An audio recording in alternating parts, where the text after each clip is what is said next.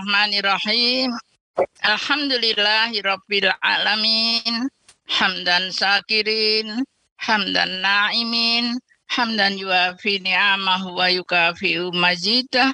Ya Rabbana lakal hamdu kamayan bagi di jalali bajikal karimat misultanik. Allahumma salli ala Muhammad wa ala alihi wa ashabi ajma'in. Rabbis srahli sadri Bayasiri amri wahlul 'uqdata milisani yafqahu qawli Alhamdulillah puja puji syukur kita panjat berbagai rahmat nikmat kepada kita semua sehingga kita semua bisa beribadah beritiba kepada Rasulullah Sallallahu Alaihi Wasallam. Salawat dan salam untuk junjungan Nabi besar Nabi Muhammad Sallallahu Alaihi Wasallam yang insya Allah kita akan selalu beritiba, bertafaul dan atas izin Allah Subhanahu wa taala insya Allah kita kelak akan mendapatkan syafaatnya. Amin. Terima kasih kepada PDM, pimpinan daerah Muhammadiyah Kota Yogyakarta, mungkin khususnya dari Majelis Tablik yang telah mengundang kami, lebih khusus lagi kepada Kiai Haji Ashad yang telah me-WA kami, yang sebetulnya saya minta tangguh untuk bulan depan, tapi beliau meminta dengan sangat supaya minggu Sabtu hari ini saya menyampaikan dan berjumpa dengan Bapak Ibu semua yang insya Allah mendapatkan rahmat dari Allah Subhanahu wa taala. Ibu Bapak yang kami hormati, uh, saya sebetulnya juga mohon maaf saya ditunjuk sebagai orang yang untuk mengisi pada pagi hari ini walaupun saya yakin di antara kita jamaah kita banyak sebetulnya para ustadz, para ustadzah, para ahli agama yang ada di sini tapi baiklah kita saling berbagi apa yang kita miliki sehingga insya Allah akan bermanfaat dunia dan akhirat. Amin. Ibu Bapak yang kami hormati, saya menyampaikan atau mengawalkan mengawali lebih dahulu sebagai mukodimah pembuka pada pengajian ini adalah sebuah hadis.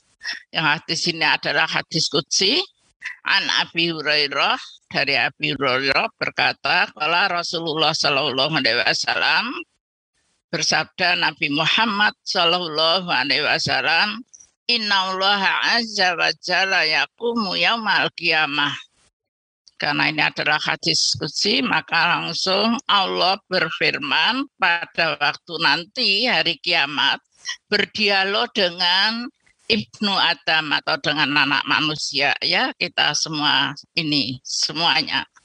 Mari itu falam ta'ud nih. Aku sakit. Mengapa engkau tidak menengokku? Kala ya Rob, kaifa a'udzubika wa anta rabbil alamin. Bagaimana aku bisa menjengukmu ya Allah, sedangkan engkau adalah Tuhan semesta alam. Saya sebetulnya sudah memberikan PowerPoint, kalau mau akan ditayangkan oleh panitia, monggo saja. Kemudian dilanjutkan, Allah juga berkata bersabda uh, lagi berfirman lagi qala ama alam tu anak abdi kenapa? Ya Allah apakah engkau tidak mengetahui sesungguhnya ada hambaku fulan yang sedang sakit tapi engkau tidak menjenguknya? Padahal kalau engkau menjenguknya sebetulnya aku ada di situ. Ini juga uh, jawaban dari Allah kepada anak Adam tadi. Saya bacakan saja artinya. Kemudian Allah juga uh, menyampaikan lagi firman-Nya, Wahai anak cucu Adam, aku kelaparan, tapi kenapa engkau tidak memberi aku makan? Maka anak Adam manusia bertanya lagi, Ya Rob, Bagaimana aku memberimu makan, sedangkan engkau adalah Tuhan semesta alam. Allah menjawab, Apakah engkau tidak mengetahui sesungguhnya kelaparan hambaku si fulan tetapi engkau tidak mau memberi makan. Tidakkah engkau tahu sesungguhnya ketika engkau memberikan makan di sana juga aku berada. Lalu anak Adam itu juga menyampaikan uh, bertanya lagi ketika disampaikan aku haus mengapa engkau tidak memberi aku minum. Maka anak Adam tadi juga bertanya, bagaimana kami memberimu ya Allah, sedangkan engkau adalah Allah yang berkuasa. Maka Allah pun juga menjawab bahwa kalau engkau memberikan minum pada orang yang kehausan, sebetulnya aku ada pula di sana.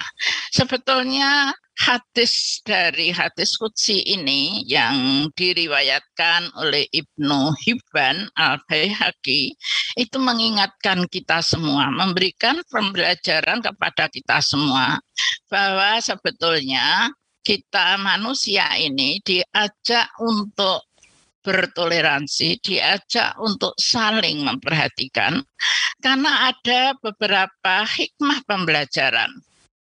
Yang pertama, menginspirasi kita kaum mukmin muslim yang mutakin. Mudah-mudahan kita termasuk golongan mukmin, muslim dan mutakin sudah selayaknya harus saling memperdulikan sesama. Jadi kita harus memperhatikan orang lain, bukan mementingkan kepentingan diri sendiri, bukan mementingkan golongan kita sendiri. Kemudian juga kita teringat dengan sang pencerah Kiai Haji Ahmad Dahlan.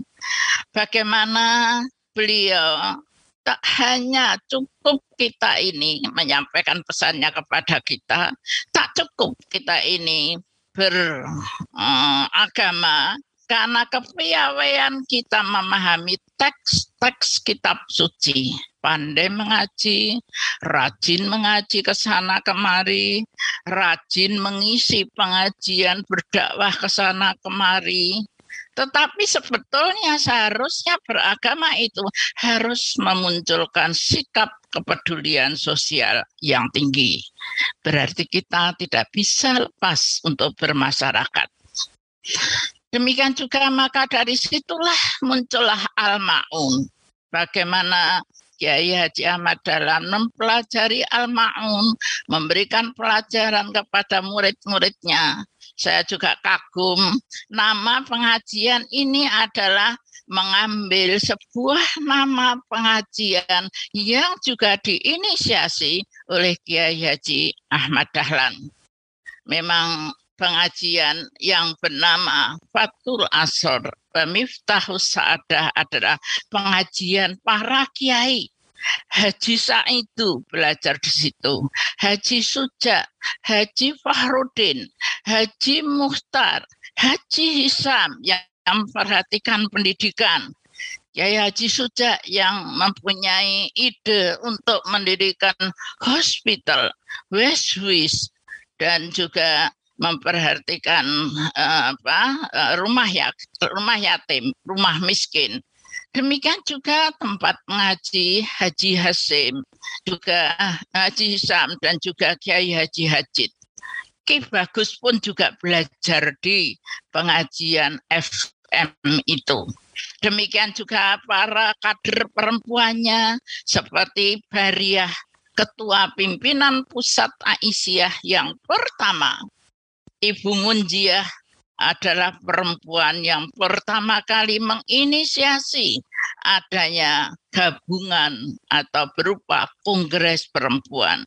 Demikian juga ada muridnya yang bernama Umniah, yang Siti Umniah ini adalah pencetus ide perlunya sekolah atau pra sekolah yang disebut taman kanak-kanak yang sekarang ini dikenal dengan PAUD sebelum ada istilah PAUD, sebetulnya Muhammadiyah dalam hal ini Aisyah juga sudah mempunyai profil school yang kemudian menjadi taman kanak-kanak Aisyah Ahsanul Atwal. Bahkan juga kader perempuan yang bernama Badilah Zubair. Yang Ibu Badilah Zubair ini adalah kader perempuan yang mahir dalam berbahasa bahasa asing, baik itu bahasa Inggris maupun bahasa Belanda, bahasa Arab. Nah, ini juga uh, satu kekaguman kita Alhamdulillah PDM pimpinan daerah Muhammadiyah Kota Yogyakarta mempunyai satu pengajian yang insya Allah para jamaahnya ini nanti juga akan menjadi kader-kader handal, kader-kader penerus Muhammadiyah tentu saja kalau saya menyebut Muhammadiyah di dalamnya adalah Aisyah juga ada pembelajaran agar kita mengatasi keterbelakangan umat muslim. Kita peduli kepada saudara-saudara kita yang nasibnya belum beruntung. Mungkin karena ketiadaan ekonomi atau mungkin karena ekonomi yang lemah atau mungkin karena dampak dari uh, virus dari pandemi virus uh, corona ini, maka kemudian mereka keterhambatan di dalam belajar. Ya Haji Ahmad Dahlan pun juga tokoh yang memperhatikan keterbelakangan umat muslim. Maka sejak awal sebetulnya Muhammadiyah didirikan menitik beratkan pada praktek beragama hingga praktek aspek sosial kemasyarakatan. Saya tidak usah menceritakan karena ini sudah berulang kali diceritakan bagaimana mempraktekkan surat Al-Maun tersebut. Ibu Bapak yang kami hormati, kepedulian sosial itu sebetulnya bersifat universal. Misalnya saja Muhammadiyah mempunyai gerakan walaupun kita adalah gerakan Islam, Islam berkemajuan, tetapi sebetulnya inti sari dari Muhammadiyah itu adalah kepeduliannya terhadap sesama. Sesama di sini bukan hanya Muhammadiyah untuk Muhammadiyah, tetapi Muhammadiyah juga untuk umat, baik itu umat Muslim, maupun umat yang beragama lain. Itu pun juga menjadi jangkauan dari Muhammadiyah. Bagaimana Muhammadiyah berserta Aisyah berjuang untuk memajukan saudara-saudara kita yang ada di Indonesia bagian timur. Kalau kita melihat Universitas Muhammadiyah Kupang yang sangat megah padahal itu di daerah uh, yang juga termasuk tidak maju di Kupang itu tapi dengan megahnya perguruan tinggi Muhammadiyah itu berdiri dan yang belajar di dalamnya 68 persen adalah orang-orang non-muslim. Nah ini berarti baik umat Islam maupun umat yang beragama mendapatkan perhatian dari Muhammadiyah maka saya sering menyampaikan, mungkin juga Bapak Ibu menyampaikan, saya bangga menjadi bagian dari Muhammadiyah dan Aisyah. Demikian juga untuk masyarakat, apa pun yang terjadi termasuk pandemi ini, maka yang dibantu, yang mendapatkan uluran bantuan Muhammadiyah bukan hanya masyarakat golongan dari Muhammadiyah, tapi masyarakat secara umum. Demikian juga dari Muhammadiyah untuk bangsa, dari Muhammadiyah untuk Yogyakarta, dari Muhammadiyah untuk Indonesia, bahkan dari Muhammadiyah untuk dunia. Karena alhamdulillah sudah ada 28 PCIM dan PCIA selama ini. Berarti tiada lelah, tiada berhenti mentari, menyiat, menyinari bumi ini. Dan tentu saja semuanya adalah menunjuk pengertian beragama tidak hanya sekedar untuk mempelajari teks-teksnya saja, tekstual saja, tetapi kita memang akan mempraktekkan dalam kehidupan sehari-hari. Bahkan bagi kita semua, beragama itu adalah perwujudan mengibadai Allah. Mungkin kalau kita mengingat tujuh pokok pikiran di dalam mukodimah anggaran dasar, di situ disebutkan hidup adalah untuk beribadah kepada Allah. Maka kepedulian sosial juga merupakan perwujudan beribadah kepada Allah. Oleh karena itu, maka kita juga bisa mengenal di dalamnya ayat-ayat hadis-hadis yang sebetulnya itu memberikan pelajaran kepada kita semua bahwa kita semua ini harus memperhatikan dan memperhatikan baik memperhatikan kehidupan beragama kita yang hubungannya dengan Allah maupun dalam kehidupan sosial. Mungkin sering kita juga mengenalnya, yakni uh, harus seimbang antara keduanya. Kalau kita membaca uh, di dalam Al-Quran, surat Muhammad ayat 7, Allah berfirman, Ya ayuhalladina amanu, intan surullah yang surukum wa yusabit akdamakum. Wahai orang-orang mukmin, jika kamu menolong agama Allah, niscaya dia akan menolongmu dan meneguhkan kedudukanmu. Kenapa Allah perlu pertolongan kita padahal Allah adalah penguasa alam semesta? Sebetulnya kita menolong agama Allah itu ya kita berdakwah ini. Dan berdakwah tidak mesti harus kita berpidato. Berdakwah ini bisa dengan berbagai macam. Dakwah secara virtual, dakwah tertulis pun ini sangat penting sekali. Betapa pentingnya kita menulis, menuliskan ayat-ayat Allah menuliskan ajaran-ajaran Rasulullah Shallallahu Alaihi Wasallam agar banyak orang yang lebih uh, banyak membacanya. Ini juga merupakan kita menolong agama Allah.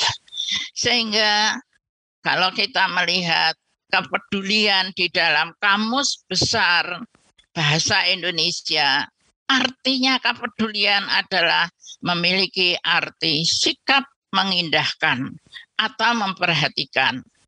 Kepedulian sosial adalah sebuah sikap yang mengindahkan, memperhatikan sesuatu yang terjadi di masyarakat. Mohon maaf, kita semua bukan berarti untuk ria. Tetapi mari kita lihat di lingkungan kita selama pandemi ini, bagaimana kuatnya Muhammadiyah, kuatnya Aisyah, untuk selalu bergerak meskipun kadang-kadang geraknya secara diam tapi tetap bahwa kita ingin memotong rantai penularan COVID-19. Hal ini adalah memang ini merupakan kepedulian sosial kita bagaimana kita menghadapi melihat kenyataan di masyarakat kita bahwa pandemi ini ada sesuatu yang nyata juga sudah banyak korbannya, bukan hanya kita menghitung dari statistik, tetapi itu adalah nyawa, nyawa yang seharusnya kita pertahankan atau nyawa yang seharusnya kita tolong. Mungkin kalau kita akan kembali kepada Al-Quran ya surat Al-Ma'idah ayat 32, satu nyawa yang kita selamatkan, itu ibaratnya kita akan menyelamatkan uh, jiwa-jiwa di dunia dunia ini. Nah, itulah arti dari kepedulian yang kita harus memperhatikan eh, apa yang terjadi di masyarakat. Kita tidak bisa berdiam diri, berpangku tangan, memandang sebelah apa yang sekarang dialami oleh eh, masyarakat kita. Dalam kehidupan rasa peduli uh, sesama manusia juga harus dimiliki, lebih-lebih kita dari warga warga besar. Muhammadiyah dari murid Kiai Haji Ahmad Dahlan. Walaupun kita ini bukan murid langsung tapi kita adalah murid-murid kader-kader yang dibesarkan oleh Muhammadiyah maka rasa peduli sesama manusia harus kita kembangkan. Dan itu sebetulnya adalah merupakan tuntunan dari Nabi Muhammad Shallallahu Alaihi Wasallam. Karena Allah sebetulnya menjanjikan akan melindungi orang-orang yang peduli sesama. Orang-orang yang punya rasa perhatian terhadap masyarakat lingkungan. Rasulullah Shallallahu Alaihi Wasallam bersabda, an Abi Hurairah radhiyallahu anhu anin Nabi Shallallahu Alaihi Wasallam. Kola. Hadis ini uh, dari Abi Hurairah yang Nabi Muhammad Shallallahu Alaihi Wasallam bersabda, man nafsa an mu'minin kurbata min kurab di dunya nafsa Allahu anhu kurbata min kurbi yaumil qiyamah wa may yasar ala musiri alaihi fid dunya wal akhirah. Mungkin saya bacakan artinya saja dari Abu Hurairah radhiyallahu anha dari Nabi Shallallahu alaihi wasallam bersabda siapa yang menghilangkan kesusahan seorang mukmin dari kesusahan dunianya? Kita tahu banyak saudara kita yang susah dengan tiba-tiba ditinggalkan oleh orang tuanya oleh keluarganya banyaknya anak yatim yang tiba-tiba kehilangan ayahnya mungkin piatu kehilangan ibunya, ada bayi yang kehilangan ibunya, padahal dia masih menyusu. Kemarin juga ada yang mengusulkan kepada Aisyah, alangkah hebatnya kalau Aisyah itu punya perempuan-perempuan yang mau berbagi ASI kepada anak-anak bayi-bayi yang ditinggalkan oleh ibunya. Usulan ini betul-betul mengetuk kita uh, Aisyah walaupun ini juga belum bisa kita jalankan dengan sepenuh hati. Hanya kita mencarikan saja siapa yang bisa memberikan ASI kepada anak yang bersangkutan. Tentu saja dianjurkan dari keluarga yang terdekat. Allah akan menghilangkan kesusahan pada hari kiamat kalau kita menghilangkan kesusahan orang lain. Padahal kita pada waktu hari kiamat, waktu hari hisab, kita akan susah karena amalan-amalan kita yang belum tercapai. Siapa yang memudahkan orang yang kesulitan, maka Allah juga akan memudahkan mereka. Mau kepada orang yang menolong orang lain. Allah senantiasa memberikan pertolongan kepada hamba selama ia juga mau menolong saudaranya.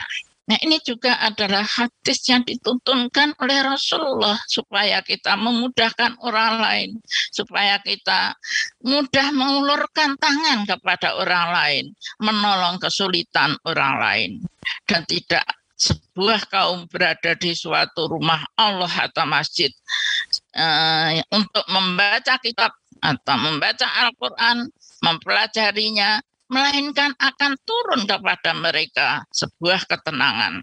Memang kita belajar Al-Quran, kita membaca Al-Quran, itu akan membuat ketenangan. Namun alangkah baiknya ketenangan tersebut yang kita peroleh, itu kita aplikasikan dalam kehidupan sehari-hari. Itulah kita berarti mentadaburi ayat-ayat ini yakni kita tahu maknanya, kita tahu asbabun nuzulnya, kita tahu paham penjelasannya, dan kalau bisa dipraktekkan dalam kehidupan sehari-hari. Melainkan maka Allah juga akan melainkan akan turun kepada mereka sebuah ketenangan dan diliputi kerahmatan dan akan dinaungi oleh para malaikat Tentu saja ini adalah atas izin Allah semata. Serta Allah menyebut mereka di kalangan malaikat yang ada di sisinya, disebut-sebut oleh malaikat yang ada di sisinya. Dan siapa yang ketinggalan amalnya, Aduh bilahi mindalik, mudah-mudahan kita tidak termasuk orang yang ketinggalan amal, maka nasab atau garis keturunannya tidak berguna baginya. Maksudnya adalah tidak mungkin nasab keturunan akan membantu kepada kita di hari kiamat. Yang bisa membantu hanya amal kita sendiri. Oleh karena itu, maka ibu bapak yang kami hormati, alangkah baiknya kalau kita juga melakukan uh, bentuk pertolongan nyata, apakah itu bersedekah, berinfak di yaumul kiamah nanti insya Allah juga akan meringankan kepada kita semua. Uh, kalau kita membaca Al-Quran surat Al-Munafikun ayat 10 maka Allah uh, berfirman wa amfiku mimma razaqnakum min ayat ya akhatukumul maut fayaqula rabbi laula akhartani ila ajalin qarib fasaddaqo wa kana minas solihin ya artinya ialah dan belanjakanlah sebagian dari apa yang telah kami berikan kepadamu. Berarti harta kita ini ada bagian untuk saudara kita yang membutuhkan bantuan. Sebelum datang kematian, eh, sebelum kita meninggal dunia, hendaknya kita sudah melakukan eh, bakti atau melakukan ibadah yang berupa mensodakohkan harta kita.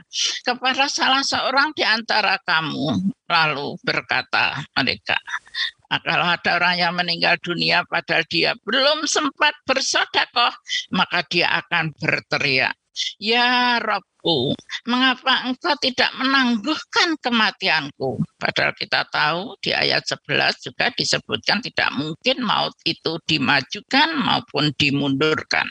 Tapi mengapa tidakkah engkau menangguhkan kematianku sampai waktu yang dekat yang menyebabkan aku dapat bersedekah dan aku termasuk orang-orang yang saleh. Mungkin kalau kita membaca di ayat yang lain, eh, misalnya surat Al-Mu'minun ayat 2 ayat 99 sampai 100 di situ juga orang ingin kembali orang yang sudah mati ingin kembali ke dunia untuk menyelesaikan amal-amal ibadah yang dulu tertinggal, terutama untuk bersedekah. Itulah maka mengingatkan mumpung senyampang kita ini masih uh, kita untuk uh, diberi kehidupan, mari kita memperbanyak sedekah entah itu dengan jimpitan sekarang ini kan dengan mudahnya kita memberikan jimpitan atau mungkin di kalangan ibu-ibu kita teruskan ada adanya Jumat berkah banyak bersedekah karena mau tidak mau sebetulnya itu adalah harapan kita nanti di hari akhir ternyata kita termasuk golongan yang sudah peduli dengan sesama. Ibu Bapak yang kami hormati, alangkah prihatinnya kita saat sekarang ini. Karena remaja kita, anak cucu kita, anak-anak kita sekarang ini adalah hidup di era digital. Belajar saja di rumah dengan menggunakan uh, apa, perangkat uh, IT-nya atau menggunakan paling tidak harus mempunyai HP.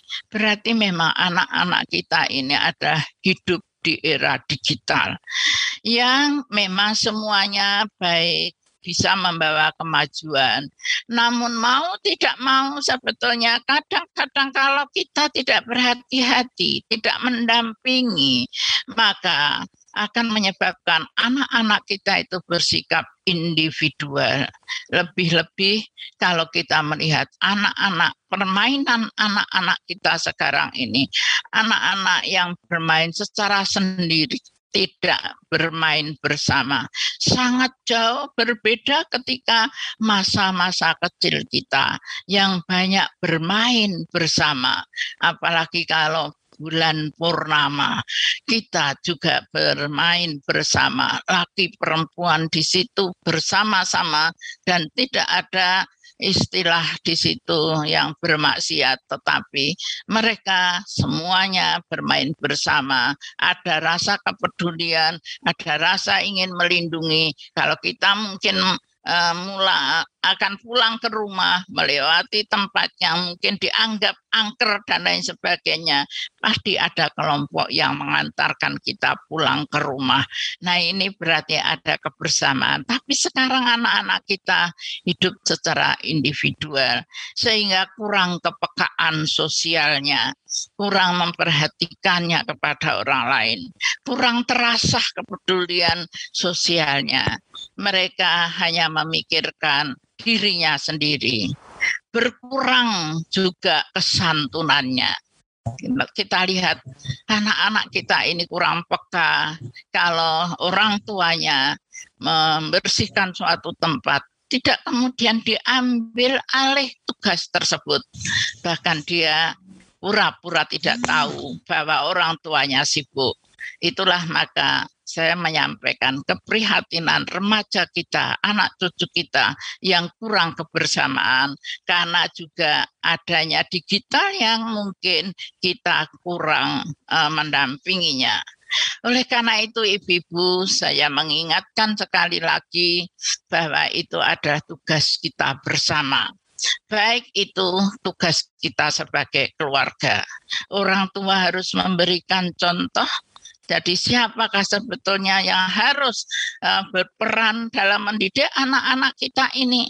Tiada lain adalah saya menyebutkan empat uh, komponen. Ada juga yang menyebutkan empat uh, komponen di dalam mendidik mendidik anak-anak kita. Yang pertama ialah tertumpu pada keluarga.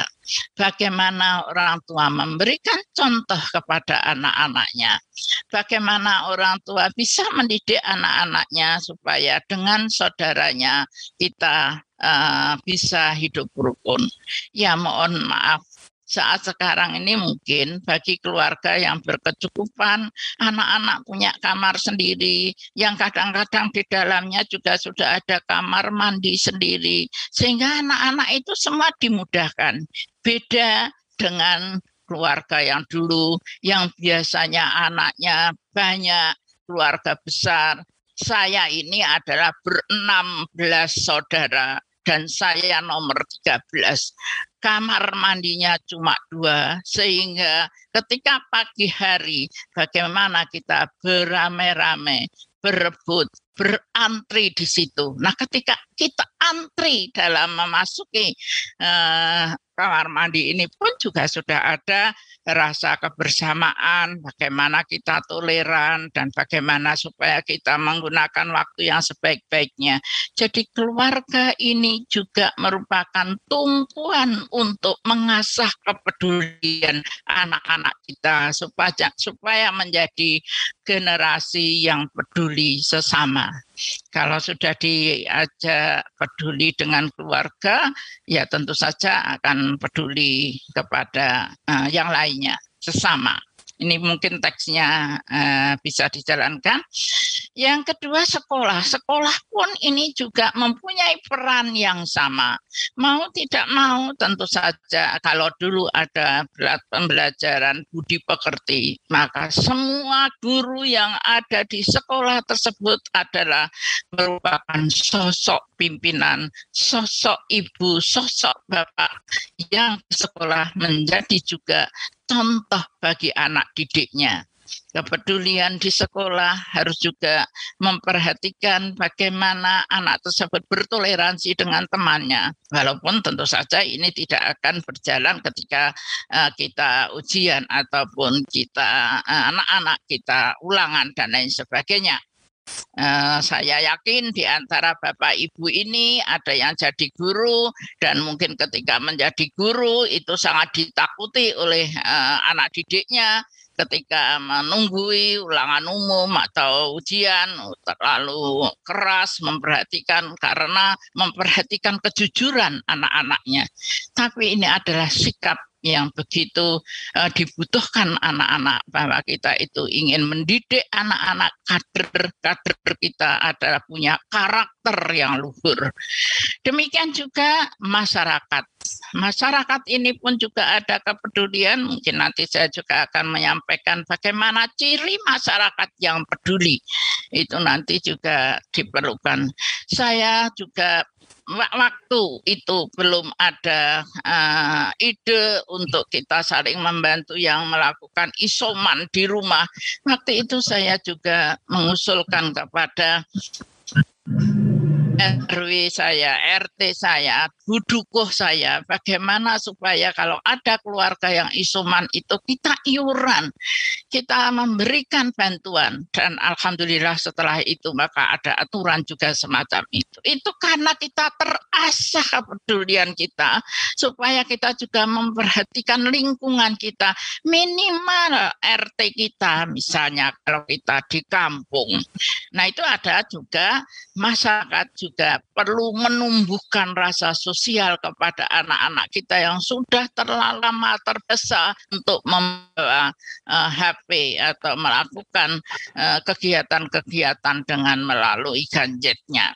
Dan jangan lupa lembaga pun di masyarakat, apakah itu di pengajian, apakah itu di TPA, apakah kelompok apa, komunitas apa di sebuah eh, masyarakat. Ini juga merupakan sumber dari uh, kita perhatian kepada masyarakat kita, mendidik remaja-remaja kita terutama supaya kita ini termasuk orang yang peduli sesama. Nah, bagaimanakah sebetulnya ciri masyarakat yang peduli? Saya menyampaikan tiga faktor, mudah-mudahan sebetulnya banyak faktor dan nanti Bapak Ibu bisa menambahkan.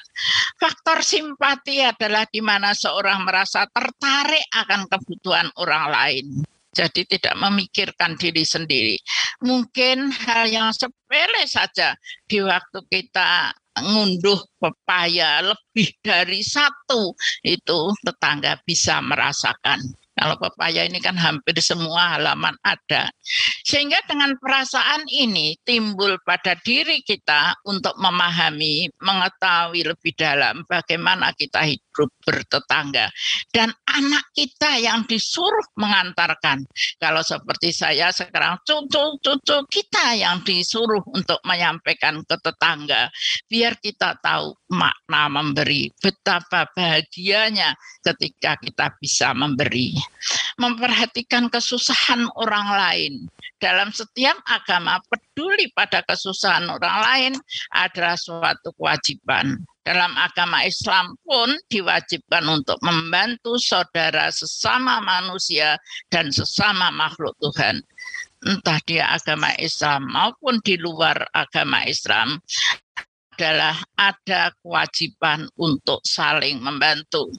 Ya boleh dikatakan dulu ketika saya di Nota Prajan 99 persen orang yang beragama Islam dan lingkungannya Muhammadiyah. Tapi di tempat saya yang baru ini di Jemegatan 50 persen orang Islam, 50 persen orang non Muslim.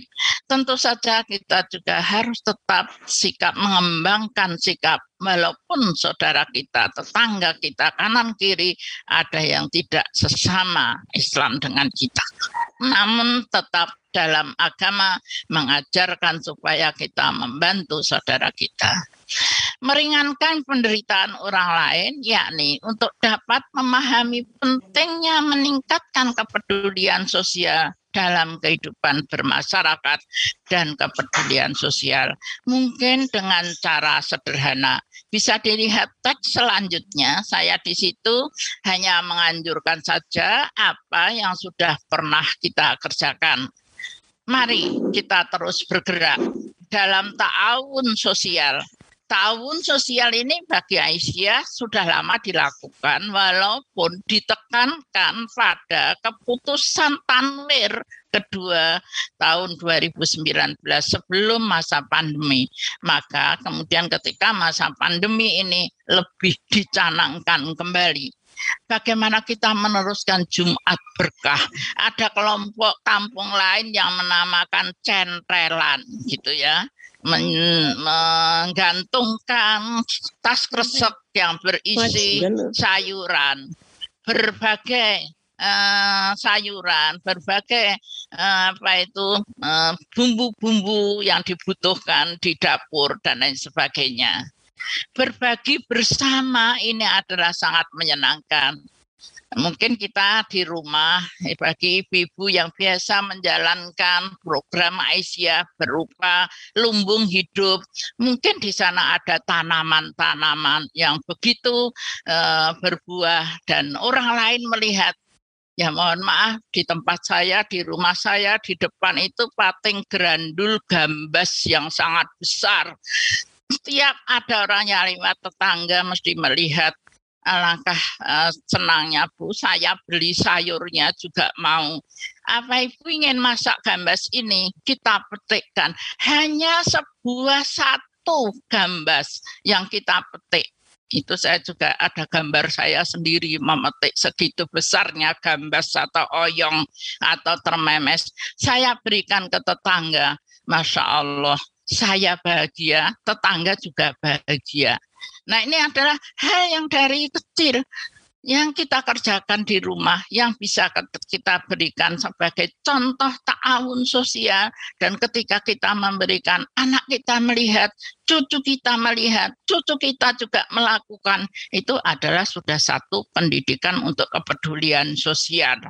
Demikian juga mungkin ada lele atau mungkin ada nila Ketika saya memulai budidaya ikan di ember, karena kalau saya menyuruh kepada anggota Aisyah, maka saya harus mengawali untuk melakukannya. Maka sudah saya ikrarkan, begitu ini nanti besar, hasilnya akan saya bagi dengan tetangga.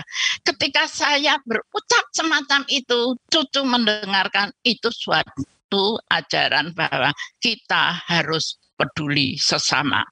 Nah ini walaupun tetangga kita itu ada juga yang tidak Islam. Sehingga ketika kita melakukan lumbung hidup untuk ketahanan pangan keluarga atau getapa, itu kita juga sudah hidup bersama, bersosial, mempedulikan yang lain. Mungkin juga ngelarisi tetangga daripada kita belanja ke Indomaret, ke Alfa, lebih baik kita belanja ke tetangga. Meskipun kadang-kadang ya mohon maaf ada yang kita tuju di tetangga tidak ada. Padahal yang punya uh, toko itu ada orang yang berlainan agama. Ya nggak apa-apa karena ini ada kehidupan di masyarakat. Kita juga harus mengembangkan hidup sosial. Sehingga apa yang ditawarkan oleh tetangga lebih baik kita membeli dari tetangga daripada kita melarisi undang yang lain. Mungkin inilah sebetulnya hal yang sangat sederhana yang bisa kita lakukan, tetapi itu bisa mendidik generasi kita punya karakter memperhatikan kehidupan bersama. Ibu bapak yang kami hormati, tidak layak rasanya kalau saya menguasai pembicaraan ini. Mungkin ada bapak ibu yang ingin menambahkan. Saya menawarkan bukan hanya untuk bertanya, tetapi mohon mungkin menambahkan dan lain sebagainya. Terima kasih. Kami serahkan kembali kepada pembawa acara selebihnya kekurangannya kami mohon maaf yang sebesar-besarnya. Assalamualaikum warahmatullahi wabarakatuh.